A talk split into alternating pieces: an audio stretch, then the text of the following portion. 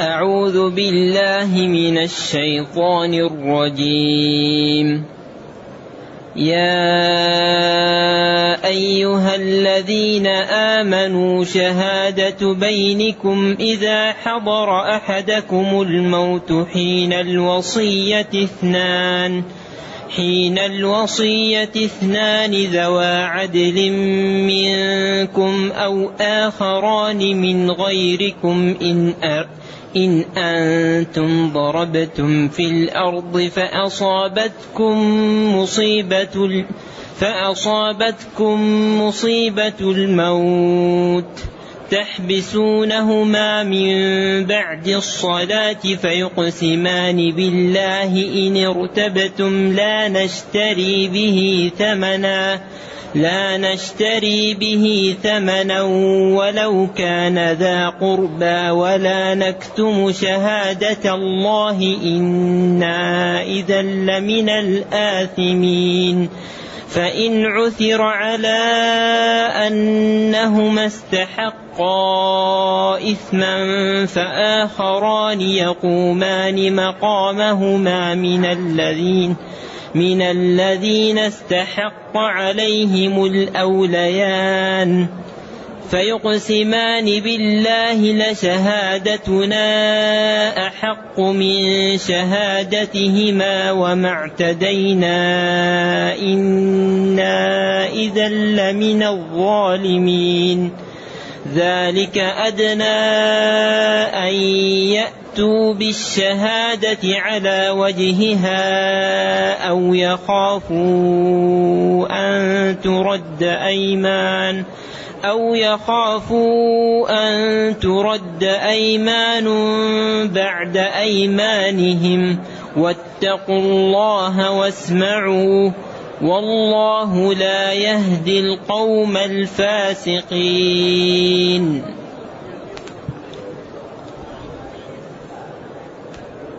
الحمد لله الذي أنزل إلينا أشمل كتاب وأرسل إلينا أفضل الرسل وجعلنا خير أمة أخرجت للناس فله الحمد وله الشكر على هذه النعم العظيمة والآلاء الجسيمة والصلاة والسلام على خير خلق الله وعلى آله وأصحابه ومن اهتدى بهداه.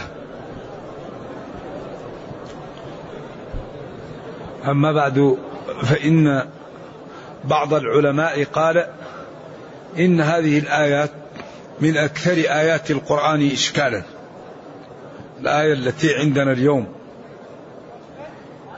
حتى ورد عن الإمام مكي بن أبي طالب رضي الله عنه حيث ذكر في كتابه الكشف عن وجوه القراءات وعللها قال هذه الآية في قراءتها وإعرابها وتفسيرها ومعانيها وأحكامها من أصعب آية في القرآن وأشكلها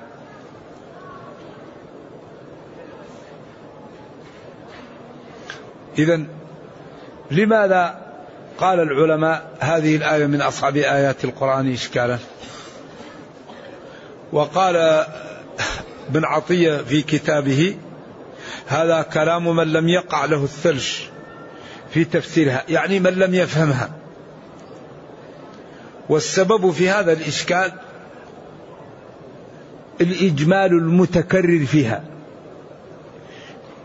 يا أيها الذين آمنوا شهادة بينكم. هل الشهادة هنا المقصود بها هو الإشهاد أو الحضور للقضية؟ شهد فلان إذا أقر بالمسألة وشهد إذا حضرها فمن شهد منكم؟ ثانيا إذا حضر أحدكم الموت حين الوصية اثنان. إذا حضر اثنان. منكم أي من قرابتكم أو من المسلمين. أو آخران من غيركم أي من غير قرابتكم أو من المسلمين أو من غير المسلمين.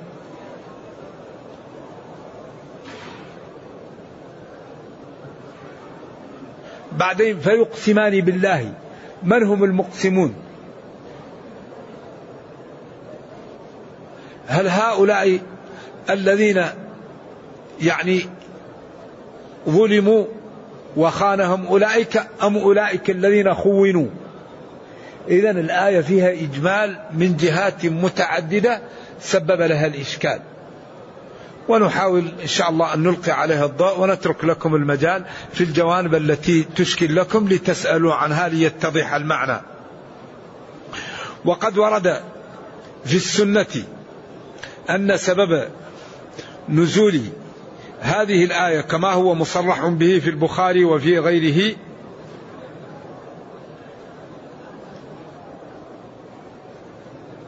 قال أخرج البخاري وأبو داود وغيرهما من طريق محمد بن أبي القاسم عن عبد الملك بن سعيد بن جبير عن أبيه عن ابن عباس رضي الله عنهما قال كان تميم الداري وعدي بن بداء يختلفان إلى مكة فصحبهما رجل من قريش من بني سهم يعني مولى لبني سهم فمات بأرض ليس فيها أحد من المسلمين فأوصى إليهما بتركته فلما قدما دفعاها إلى أهله وكتما جاما.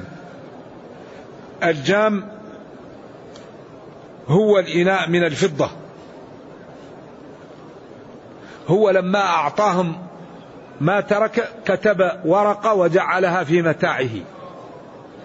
فهم أخذوا الجام ولم يروا الورقة فباعوا الجام وبقية المتاع أعطوه لأهله في مكة. فقالوا أين الجام؟ قالوا ما أعطانا جام. ثم إنه كما يقول كان عنده من فضة مخوصا بالذهب فقال لم نره. فأوتي بهما إلى النبي صلى الله عليه وسلم فاستحلفهما بالله ما كتما ولا اطلعا. وخلي سبيلهما ثم إن الجام وجد عند قوم من أهل مكة. فقالوا ابتعناه من تميم الداري وعدي بن بداء. فقام أولياء السهم فأخذوا الجام. وحلف رجل منهم بالله أن هذه الجام جام صاحبنا. وشهادتنا أحق من شهادتهما وما اعتدنا. قال وأخرجه الترمذي وضعفه وغيره عن ابن عباس رضي الله عنهما عن تميم الداري في هذه الآية. قال تميم برئ الناس منها غيري وغير عدي بن بداء وكانا نصرانيين يختلفان إلى الشام قبل الإسلام. فأتيا الشام لتجارتهما وقدم عليهما مولى لبني سهم يقال له بديل بن أبي مريم بتجارة ومعه جام من فضة يريد به الملك وهو عظم تجارته. أي أكثرها فمرض فأوصى إليهما وأمرهما أن يبلغا ما ترك أهله. قال تميم فلما مات أخذنا ذلك الجام فبعناه بألف. ثم اقتسمناه أنا وعدي بن بداء فلما قدمنا إلى أهله دفعنا إليهم ما كان معنا وفقدوا الجام فسألونا عنه فقلنا ما ترك غير هذا وما دفع إلينا غيره. قال تميم فلما أسلمت بعد قدوم رسول الله صلى الله عليه وسلم المدينة تأثمت من ذلك فأتيت أهله فأخبرتهم الخبر وأديت لهم خمسمائة درهم. ثم يقول عند صاحبي مثلها. فأتوا به رسول الله صلى الله عليه وسلم فأسألهم فسألهم البينة فلم يجدوا فأمرهم أن يستحلفوه بما يعظم به يعظم به على أهل دينه فحلف فأنزل الله قوله يا أيها الذين آمنوا شهادة بينكم إلى قوله أن ترد إيمان بعد إيمانهم فقال عمرو بن العاص ورجل آخر فحلف فحلفنا فت فنزعت الخمس المائة درهم من عدي بن بداء قال ابن جزي الكلبي رحمه الله وسببها كما ذكرنا أن رجلين خرجا إلى الشام وخرج معهما رجل آخر بتجارة فمرض في الطريق فكتب كتابا قيد فيه كل ما معه وجعله في متاعه وأوصى الرجلين أن يؤديا رحله إلى ورثته. فمات فقدم الرجلان المدينة ودفعا رحله إلى أهله فوجدوا فيه كتابا وفقدوا فيه أشياء قد كتبها. فسألوهما فقالا لا ندري هذا الذي قبضناه فرفعوهما إلى رسول الله صلى الله عليه وسلم فاستحلفهما. رسول الله فبقي الأمر مدة ثم عثر على إناء عظيم من فضة فقيل لمن وجده عنده من أين لك هذا؟ فقال اشتريته من فلان وفلان يعني الرجلين. فارتفع الأمر إلى رسول الله صلى الله عليه وسلم في ذلك فأمر رسول الله صلى الله عليه وسلم رجلين من أولياء الميت أن يحلفا فحلفا واستحقا. بعدين جانب الإشكال في الآية أن بعض العلماء قال هذه الآية منسوخة. بعض العلماء قال هذه الآية غير منسوخة. والذين قالوا غير منسوخة وجهوها إلى توجيهين. إذا هذه الأمور هي سبب الخفاء في هذه الآية. قال العلماء استؤنفت هذه الآية استئنافا ابتدائيا لشرع أحكام التوثق للوصية لأنها من جملة التشريعات التي تضمنتها هذه السورة تحقيقا لإكمال الدين واستقصاء لما قد يحتاج إليه عمل لما قد يحتاج إلى عمله المسلمون. وكانت الوصية مشروعة وكانت الوصية مشروعة بآية البقرة المتقدمة. وهي قوله كتب عليكم إذا حضر أحدكم الموت إن ترك خيرا الوصية للوالدين والأقربين بالمعروف حقا على المتقين. فأكملت هذه الآية بيان التوثق للوصية اهتماما بها ولجدارة الوصية بالتوثق لما لها من ضعف الزياد عنها لأن الديون والبيوع فيها جانبان عالمان بصورة من عقد فيها. ويذبان عن مصالحها فيتضح الحق من خلال سعيهما في إحقاق الحق فيهما بخلاف الوصية. فإن فيها جانبا واحدا وهو جانب الموصي الموصى له لأن الموصي يكون قد مات وجانب الموصى له ضعيف إذ لا علم له بما قد بما عقد الموصي ولا ما ترك فكانت معرضة للضياع كلها. أو بعضها. وقد كانت العرب في الجاهلية يحفظون وصاياهم عند الموت إلى أحد يثقون به من أصحابهم وكبراء قومهم. إذا فمعنى الآية إذا إذا حضر الموت أحدا في السفر ليشهد عدلين بما معه إن وقعت ريبة في شهادتهما. حلفا أنهما ما كذبا ولا بدلا فإن عثر بعد ذلك على أنهما بدلا أو خانا أو كذبا حلف رجلان من أولياء الميت وغرم الشاهدان ما ظهر عليهما. إذا هذه الآية كمان إعرابها مشكل لأن ارتفع اثنان لكونه خبر مبتدأ محذوف. أو شهادة بتقدير شهادة بينكم شهادة اثنين. أو لأنه فاعل شهادة بينكم ويكون التقدير فيما فرض عليكم أن يشهد اثنان. واتسع في الظرف بين فأضيف إلى المصدر. وإذا حضر ظرف للشهادة وحين الوصية بدل من قوله إذا حضر. وفي إبدال حين الوصية من قوله إذا حضر تحتم الوصية للتحتم حضور الموت. فأبدلت منهما الوصية فتحتمت الوصية. وقوله ذوى عدل منكم صفة لاثنان منكم من أقاربكم أو من المسلمين أو آخران من المسلمين أو من غير أقاربكم أو من غير المسلمين من أهل الذمة عند فقد المسلمين وعلى الاختلاف في رجوع الضمائر هل للمسلمين أو غير المسلمين كل هذا الذي سبب الإشكال في الآية وشهادة بينكم مرفوع بالابتداء وخبره اثنان والتقدير فيها شهادة بينكم شهادة اثنين أو يقيم شهادة بينكم اثنان. قوله إذا حضر أي أقارب الحضور العامل في إذا المصدر الذي هو شهادته وهذا على أن يكون إذا منزلة حين لا تحتاج إلى جواب. ويجوز أن تكون شرطية وجوابها محذوف يدل عليه ما تقدم قبلها. فيكون المعنى إذا حضر أحدكم الموت فينبغي أن يشهد. هذا يوضح ما في هذه الآية من ال من ال من ال من الغموض. ولما سئل ابن مسعود رضي الله عنه عن الآية قال وما من آية من الكتاب إلا قد جاء علي شيء جاء على إدلالها غير هذه الآية. يعني كل آية عندي فيها شيء إلا هذه الآية. لأن لم أتكلم لكم عليها لم أخبركم بها. هذا رجل خرج مسافرا. ومعه مال فأدركه قدره. فإن وجد رجلين من المسلمين دفع إليهما ما تركه. وشهد عليهما عدلين من المسلمين. فإن لم يجد عدلين من المسلمين فرجلين من أهل الكتاب. فإن أديا فسبيل ما أديا. وإن هم جحدا استحلف بالله الذي لا إله إلا هو. دبر الصلاة. إن هذا الذي دفع إليهما. وما غيبت منه شيء. فإن حلف برئ. فإذا أتى بعد ذلك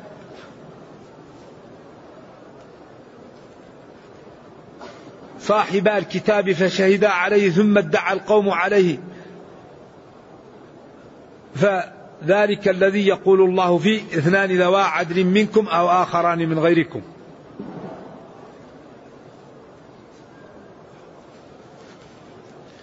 وعلى هذا فمعنى الآية من أولها إلى آخرها على هذا القول المروي عن ثلاثة من جملة الصحابة أن الله تعالى أخبر عن حكمه في الشهادة على الموصي إذا حضر الموت بأن تكون شهادة عدلين فإن كان في سفر وهو الضرب في الأرض ولم يكن معه أحد من المؤمنين فليشهد شاهدين ممن حضر من أهل الكفر.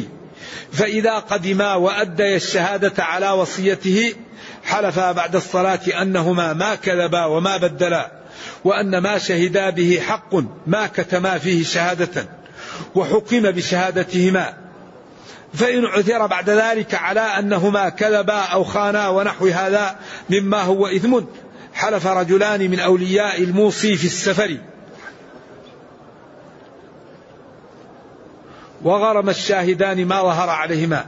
هذا معنى الآية على مذهب جملة من السلف وهو قبول شهادة أهل الكتاب في السفر مستدلين بقوله تعالى من غيركم أي من غير المسلمين عند الاضطرار.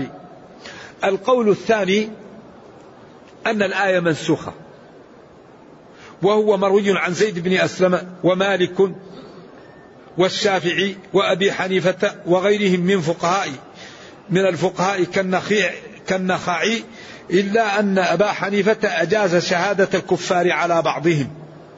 ولم يجزها على المسلمين. واحتجوا بقوله تعالى ممن ترضون من الشهداء. وقوله وأشهدوا ذوي عدل منكم. فهؤلاء زعموا أن آية الدين من آخر ما نزل وما نسخها شيء بل هي ناسخة لما عارضها. ولم يكن الإسلام يوم قبول شهادة الكفار إلا في المدينة. والآن وقد عم فسقطت شهادة الكفار وقد أجمع المسلمون على رد شهادة الفاسق والكافر فاسق فترد شهادته. فيقال المعترضون ما ذكرتموه من رد شهادة الفاسق والكافر صحيح ولكن هذه قضية أخرى لا بد من, من القبول فيها.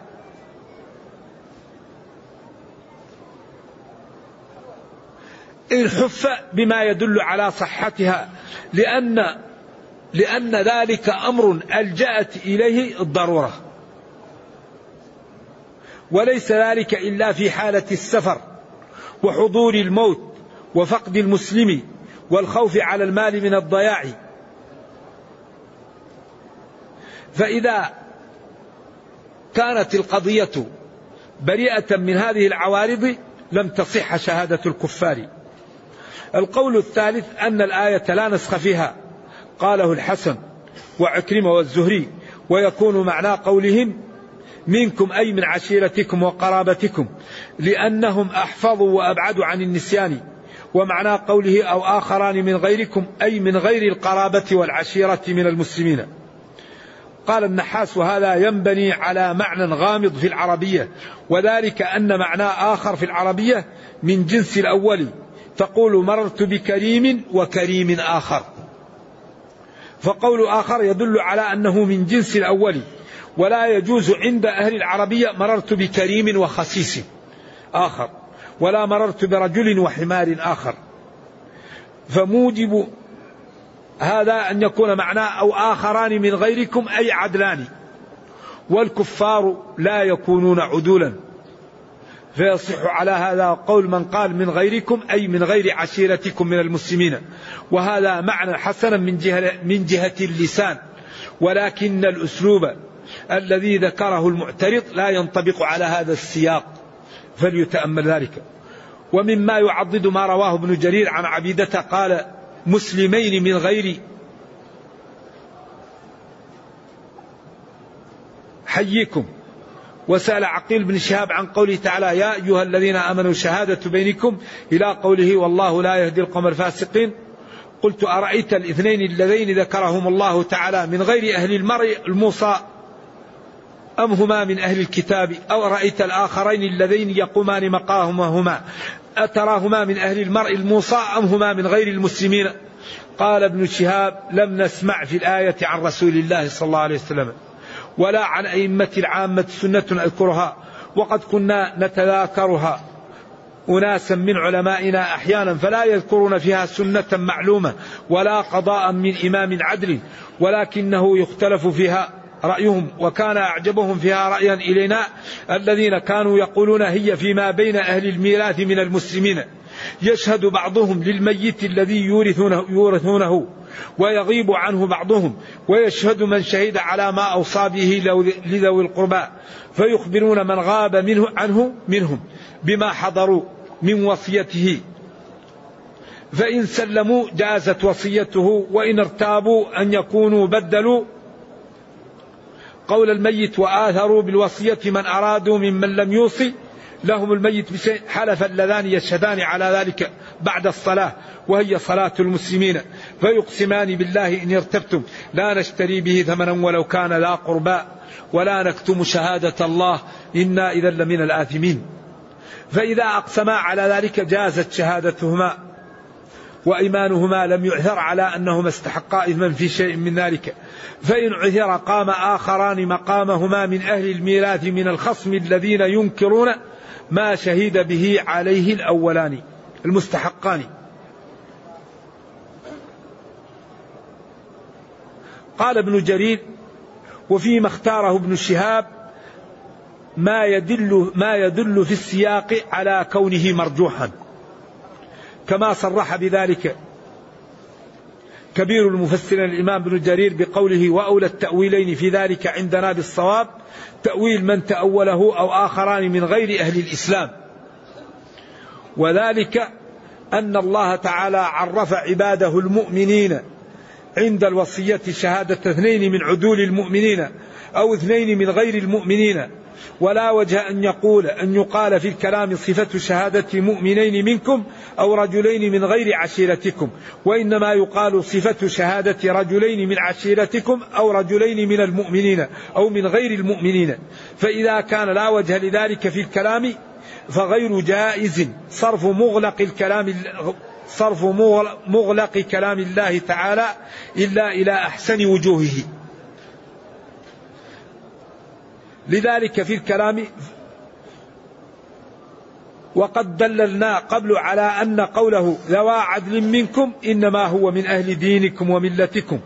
وأن قوله أو آخران من غيركم أي من غير أهل دينكم وملتكم. وإذا كان ذلك كذلك فسواء كانا يهوديين أو نصرانيين أو مجوسيين أو عابدي وثني أو على أي دين كان لأن الله تعالى لم يخصص آخرين من أهل ملة بعينها دون ملة بعد أن لا يكون من أهل الإسلام. فيقول تعالى ذكره للمؤمنين صفة شهادة بينكم إذا حضر أحدكم الموت وقت الوصية أن يشهد اثنان ذوا عدل منكم أيها المؤمنون أو رجلان آخران من غير ملتكم إن أنتم سافرتم ذاهبين وراجعين في الأرض فنزل بكم الموت. والذي يترجح أن الآية غير منسوخة. لأن النسخ لا يصار إليه إلا بدليل واضح يجب التسليم له. وذلك أن من حكم الله تعالى ذكره الذي عليه أهل الإسلام من لدن بعث الله تعالى نبيه محمدا صلى الله عليه وسلم إلى يومنا هذا أن من دعي عليه دعوى مما يملكه بنو آدم أن المدعى عليه لا يبرئه مما ادعي عليه إلا اليمين. إذا لم يكن للمدعى بينة تصحح دعواه وأنه إذا اعترف وفي يد المدعى سلعة له فادعى أنها له دون الذي هي في يده فقال الذي هي في يده بل هي لي اشتريتها. من هذا الذي من هذا المدعي أن القول قول من زعم أن الذي هي في يده أنه اشتراها منه. دون من هي في يده مع يمينه. إذا لم يكن للذي هي في يده بينة تحقق له دعواه الشراء منه. فإذا كان ذلك كذلك فإذا كان ذلك حكم الله الذي لا خلاف فيه بين أهل العلم وكانت الآيتان اللتان ذكر الله تعالى ذكره فيهما أمره ووصيته الموصى إلى عدلين مسلمين أو إلى آخرين من غيرهم إنما ألزم النبي صلى الله عليه وسلم فيما ذكر عنه الوصيين اليمين حين ادعى عليهما الورثة ما ادعوا ثم لم يلزم المدعي عليهما شيئا إذا حلفا حتى اعترفت الورثة في أيديهما ما اعترفوا من الجامع أو الإبريق أو غير ذلك من أموالهم فزعما أنهما اشتراه اشترياه من ميتهم فحينئذ ألزم النبي صلى الله عليه وسلم ورثة الميت اليمين لأن الوصيين تحولا مدعيين بدعواهما ما وجدا في أيديهما من مال الميت أنه لهما. اشتريا ذلك منه فصار مقرين بالمال للميت مدعين من الشراء فاحتاجا حينئذ إلى بينة تصحح دعواهما. وورثة الميت رب السلعة أولى باليمين منهما فذلك قوله فإن عثر على أنهما استحقا إثما فآخران يقومان مقامهما من الذين استحق عليهم الأوليان من الذين استحق عليهم الأوليان فيقسمان بالله. لشهادتنا أحق من شهادتهما وما اعتدينا إنا إذا لمن الظالمين الآية. كذلك فلا وجه لدعوى مدع أن هذه الآية منسوخة لأنه غير جائز أن يقضي على حكم من أحكام الله تعالى ذكره أنه منسوخ إلا بخبر يقطع العذر إما من عند الله أو من عند رسوله صلى الله عليه وسلم أو يرد النقل المستفيض بذلك. فأما ولا خبر بذلك ولا يدفع صحته عقل فغير جائز أن يحكم عليه بأنه منسوخ.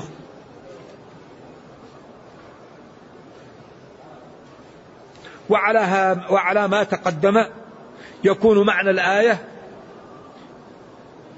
ليشهد بينكم عند قرب الموت وقت الوصية اثنان ذوى رشد وعقل واحد من المسلمين. ذكر ذلك عن سعيد بن المسيب ويحيى بن يعمر. فإن قيل هل وجدتم في حكم الله تعالى يمينا تجب على المدعى فيتوجه قولك في الشهادة في هذا الموضع إلى صحة فإن قلت لا تبين فساد تأويلك. ذلك على ما أولت لأنه يجب على هذا التأويل أن يكون الحالفان في قوله تعالى فإن عثر على أنهما استحقا إثما المدعيين. وإن قلت بلى قيل لك وفي أي حكم الله وجدت ذلك؟ قيل وجدنا ذلك في أكثر المعاني وذلك في حكم الرجل يدعي قبل رجل مال قبل رجل مالا فيقر به المدعى عليه قبله ذلك ويدعي قضاءه فيكون القول قول رب الدين. والرجل يعترف في يد الرجل السلعة فيزعم المعترف في يده أنه اشتراها من المدعي أو أن المدعي وهبها له وعلى هذا الوجه أوجب الله تعالى في هذا الموضع اليمين على المدعين الذين عثر على الجانب فيما جنيا فيه. وكان من أسباب غموض الآية الاشتراك الحاصل في شهد وفي قوله منكم وفي قوله تعالى أو آخران من غيركم وفي قوله يقومان مقامهما.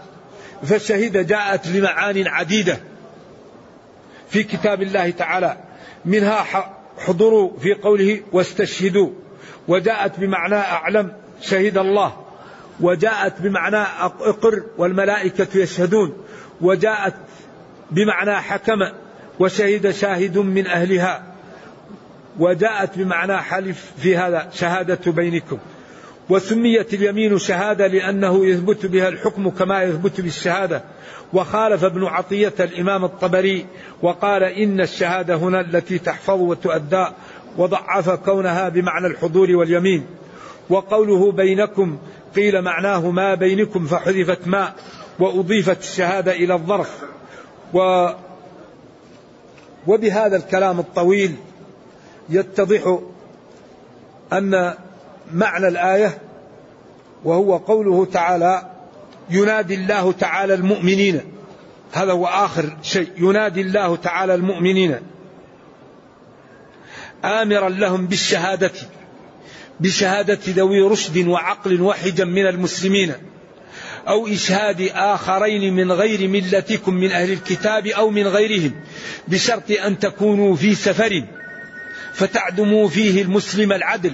وقد نزل بكم في ذلك السفر الموت فأمره بشهادة غير المسلمين.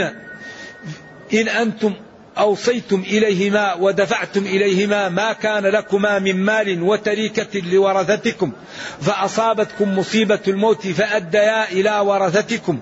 ما ائتمنتموه إليهما وادعوا عليهما خيانة خاناها. مما ائتمنتما عليه فإن الحكم في ذلك أن تحبسوهما بعد الصلاة. وفي الكلام مقتضى دل عليه السياق فأصابتكم مصيبة الموت وقد أسندتم الوصية إليهما ودفعتم إليهما ما كان معكم من المال. فإن كنتم تحبسونهما بعد الصلاة فيحلفان بالله إن شككتم في أمرهم واتهمتموهما في خيانة في الوصية التي كانت أمانة عندهم فيحلفان بالله. لا نشتري بأيماننا عرضا نأخذه بسببها ولا لحق نجحده لهؤلاء القوم الذين أوصي إلينا وليهم وصيتهم ولا نستبدل بذكر الله وبالقسم به عوضا فنكذب فيها لأحد ولو كان الذي نقسم به له ذا قرابة منا ولا نكتم شهادة عندنا. وإقسامنا بالله إن فعلنا ذلك واشترينا بأماننا ثمنا قليلا أو كتمنا شهادة لمن لمن العاصين الآثمين. فإن اطلع على أن الوصيين اللذين ذكر الله أمرهما في هذه الآية بعد حلفهما بالله لا نشتري بأيماننا ثمنا قليلا ولو كان ذا قربى ولا نكتم شهادة الله على أنهما استوجبا إثما بأيمانهما التي حلفا بها. وذلك ببيان كذبهما في حليفهما أنهما ما خانا ولا بدلا ولا غيرا فعند ذلك يقوم من أولياء الميت الأوليان الموصى لهما مقام اللذين خانا يقسمان على ما وجدا في الوصية صاحبهما بعد وجود اللوث وخيانة من كانت عندهم الوصية وحينئذ ينضمون وهذا الحكم الذي وحينئذ يضمنون. ولا بد من وجود اللوث وهو وجود الجام الذي سرقاه وشهدا أنه باعه من هؤلاء الرجلين. إذا يقول فحينئذ يضمنون هذا الحكم الذي شرعته لكم أقرب أن يصدقوا به معكم لخوف الفضيحة والله لا يوفق من فسق عن أمر ربه مخالفا لطاعته ومتبعا للشيطان. وقد عصى ربه. نعم. هذه آه الآية قلنا إنها من من أصعب آيات القرآن إشكالا. ولذلك تعمدت أن نأتي ببحث يعني آه، خفيف معمول في هذه الآية وهو بحث في سلسلة آيات أشكل تفسيرها. أيوة آيات أشكل تفسيرها في القرآن من جملتها يا أيها الذين آمنوا شهادة بينكم. وبهذا يتضح إن شاء الله أولا أن الآية غير منسوخة وأن هذا الحكم باق ولكنه لا يكون إلا في هذه الصورة وأن الكفار والفساق ترد شهادتهم إلا في مثل هذا الموقف الذي يقارب فيه المسلم على الموت ولا يوجد معه من يشهد له. ومثل هذا حصل في شهادة الصبيان على بعض لأن الدماء لا يشهد فيها الصبيان ولا النساء ولكن إذا وقع دماء ولم يكن فيها إلا النساء والصبيان فهذا لا تكون شهادة لكن يكون لوث يكون قرينة وأمارة يستعين بها القاضي على الحكم. وهنا قد نجمع بين الأدلة وبين الأقوال فنقول شهادة الكافر لا تعتبر شهادة وإنما تعتبر لوث وقرينة وأن المسافر إذا حضرته الموت ولم يكن معه من يشهده من المسلمين فله أن يشهد على وصيته الكفار. وهذه الوصية وإن كانت لا تكون شهادة شرعية لكنها تكون لوثا وأمارة يستعين بها القاضي والحاكم على أن يصل أن يوصل الحقوق لأصحابها وأن يبين الحق وتكون له عون على بيان الحق وبالأخص إذا كتم هؤلاء وخانوا. نعم. إذا يا أيها الذين آمنوا نداء من الله. شهادة بينكم يعني آه، شهادة آه، الخصوم أو فيما يكون بينكم هي شهادة اثنين. ذوى عدل منكم. ذوى عدل من المسلمين أو آخران من غير المسلمين على القول الراجح. إن أنتم ضربتم في الأرض أي سافرتم فأصابتكم مصيبة الموت قاربت الموت أن تأتيكم وعرفتم أماراتها لأن الإنسان إذا جاءته الموت لا يمكن أن يصيب تحبسون هؤلاء الذين شهدوا من بعد الصلاة فيقسمان بالله إن ارتبتم لا نشتري به ثمنا. لا نشتري بالشهادة ثمنا ولو كان الموصى عليه ذا قربى. ولا نكتم شهادة الله. إنا إذا لمن الآثمين. إذا هؤلاء الذين شهدا من أهل الكتاب يحلفان أنهما ما خانا. فإن عثر على أنهما بعد ذلك خانا فيشهد اثنان من أولياء الميت ويغرم هؤلاء الذين شهدوا أولا. فإن عثر على أنهما استحقا إثما. الذين شهدا أولا فآخران من غيرهما من أولياء الميت. يقومان مقام الذين تركت عندهم الوصية وأقسما ما خانا. يقول هؤلاء لشهادتنا أحق من شهادتهما وما اعتدينا في يميننا. إنا إذا فعلنا ذلك لمن الظالمين. ذلك الشرع والأمر أدنى أقرب أن تأتوا بالشهادة على وجهها. لأنه إذا كان فيه يمين وكان فيه أمارات وكان فيه تحليف بعد العصر وأمام الناس وفيه تحليف بما يعظم الحالف ذلك أقرب بأن يحكموا بالعدل ولا إيش؟ ولا يخونوا. ذلك أدنى أن يأتوا بالشهادة على وجهها على حقيقتها. ذلك أدنى أن يأتوا بالشهادة على وجهها. أو يخافوا أن ترد إيمان بعد إيمانهم أن ترد إيمان بعد إيمانهم ويفتضحوا. فعند ذلك لا يظلمون ولا يقعون في الحرج. واتقوا الله واسمعوا. والله لا يهدي القوم الفاسق. اتقوا الله فيما يأمركم وينهاكم عنه واسمعوا هذا التشريع واتعظوا به وابتعدوا عن الفسق ولا تكونوا من الكذبة ومن الخائنين في الشهادة فإن ذلك فسق والله تعالى لا يوفق ولا يهدي القوم الفاسقين الخارجين عن طاعة الله تعالى. هذه ملخص لهذه الآية وقلنا إن الآية صعبة الإعراب صعبة الأحكام صعبة التخاريج وأنه مختلف فيها هل هي منسوخة أو غير منسوخة والسبب في ذلك كثرة الإجمال الحاصل فيها. شهادة لإعراب شهادة. أو اثنان وهل منكم من المسلمين أو من قرابتكم أو من غيركم من غير المسلمين وهل الشهادة هي الشهادة أو الحضور؟ أو آخران من غيركم من غير القرابة أو من غير المسلمين؟ كل هذا سبب للآية إجمال وبإمكان المستمعين والحضور أن يرجعوا إلى تفسير القرطبي وتفسير الحافظ بن كثير وابن جزي وبإذن الله تعالى كذلك الكشف عن وجوه القراءات لمكي بن أبي طالب والمحرر الوجيز وبعد التأمل إن شاء الله تبقى الآية كل الإشكالات الموجودة فيها زالت. فقلنا أن الآية غير منسوخة وأن الشهادة هنا هو فعلا الشهادة وليس الحضور. وقلنا إن اثنان من غيركم أن التحقيق أنها من غير المسلمين. وهذا الذي يظهر وفي أقوال أخرى والقرآن حمال ذو وجوه. أيوة ولذلك تبيان لكل شيء ولذلك هذا الذي يظهر لنا ونرجو الله جل وعلا أن يوفقنا وإياكم لما يحبه ويرضاه وأن يفهمنا الحق ويرزقنا اتباعه وأن يجعلنا جميعا من المتقين. اللهم إنا نسألك الجنة وما قرب إليها من قول وعمل. ونعوذ بك من النار وما قرب إليها من قول وعمل. اللهم أصلح لنا ديننا الذي هو عصمة أمرنا وأصلح لنا دنيانا التي فيها معاشنا وأصلح لنا آخرتنا التي إليها معادنا. واجعل الحياة زيادة لنا في كل خير والموت راحة لنا من كل شر. اللهم إنا نسألك العافية. اللهم إنا نسألك دوام العافية. اللهم صل وسلم على نبينا محمد وعلى آله وصحبه وسلم. سبحان ربك رب العزة عما يصفون. وسلام على المرسلين والحمد لله رب العالمين. والسلام عليكم ورحمة الله وبركاته. هذا البحث يمكن تصوروه نتركه. من يريد؟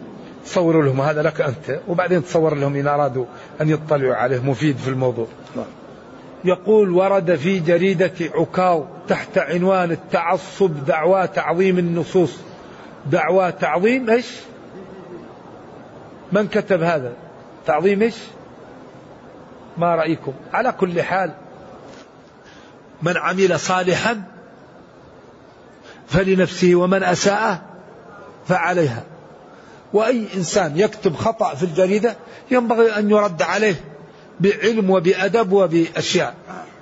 أيوة فلا شك أن تعظيم النصوص من الدين وأن التعصب منهي عنه وأن الإنسان آه، يعني قد يقول القول يريد به الخير ويفهم غلط وقد يريد القول لا يريد به الخير ويفهم على أنه والحقيقة أن كل إنسان سيظهر ما عنده آه، بكلامه مهما تكن عند امرئ من خليقة ولو خالها تخفى على الناس تعلمي. قال له تكلم لأراك. نعم. ولتعرفنهم في لحن القول. وأي إنسان عنده شيء سيظهر. ولذلك هذا الدين ما يمكن أن تصلح معها المجاملة الإسلام لا بد من الاتباع أو عدم الاتباع. الإسلام دقيق. فريق في الجنة وفريق في السعير. يوم تبيض وجوه وتسود وجوه. الإسلام فيه مسلم أو كافر. ما فيه ما فيه ما فيه نصف مسلم وكافر. لا. لذلك هذا الدين دقيق جدا. الذي يظهر الدين ولا يكون مسلم له مسمى. والذي يظهر الدين ويبطن الدين له اسم. والذي يبطن الإسلام له اسم. كل شيء له اسم. لكن الواقع إما مسلم وإما كافر. ولذلك ينبغي للمسلم أن يرشد في العبارة. الإسلام يرشد. يقول الذين قالوا إنا نصارى. يعني يرشد في العبارة. كلام الدين رائع. خذ العفو وأمر بالعرف وأعرض عن الجاهلين.